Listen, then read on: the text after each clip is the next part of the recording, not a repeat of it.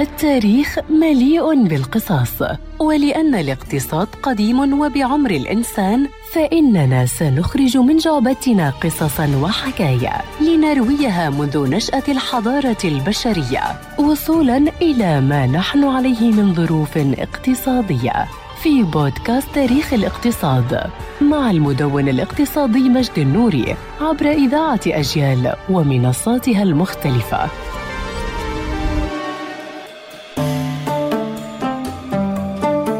توقفنا في الحلقة الماضية عند الحظر النفطي الذي قامت به بعض الأقطار العربية المنتجة والمصدرة للنفط والتي قادت دولا عالمية إلى مشاكل اقتصادية كان أبرزها التضخم وهي المشكلة التي بدأت البنوك بحلها من خلال رفع الفوائد بشكل تدريجي حتى عام 1982 ولأن الفوائد كانت ترتفع بشكل كبير فقد وصلت إلى نسبة تجاوزت 20% ليصطدم العالم ما بين الأعوام 1973 و 1983 بتضخم كان يرتفع بنسبة 11% بشكل سنوي مقارنة بنسبة 3% التي كان يرتفعها سنويا قبل هذه الفترة بعشرة سنوات. فوصل التضخم عام 1984 إلى 14% وهو ما تسبب بتآكل القوة الشرائية لدى الأمريك. وقد قال بعض الخبراء أن هذه الحالة كان لها سببا آخر تمثل بالمضاربة على العملات بشكل كبير جدا. نظرا للفوائد التي كانت ترفع من قيمة الدولار بشكل كبير خاصة أمام العملات الرئيسية مثل الين الياباني والجنيه الاسترليني والمارك الألماني والفرنك الفرنسي. وهي المشكلة التي أدت إلى إحداث مشاكل كبيرة لدى دول هذه العملات. لتهدأ الأمور في عام 1985 حينما انعقد مؤتمر بلازا الذي هدأ من قوة الدولار وأعاد الحياة للأسواق المالية التي كانت تتهيأ لصدمة عام 1987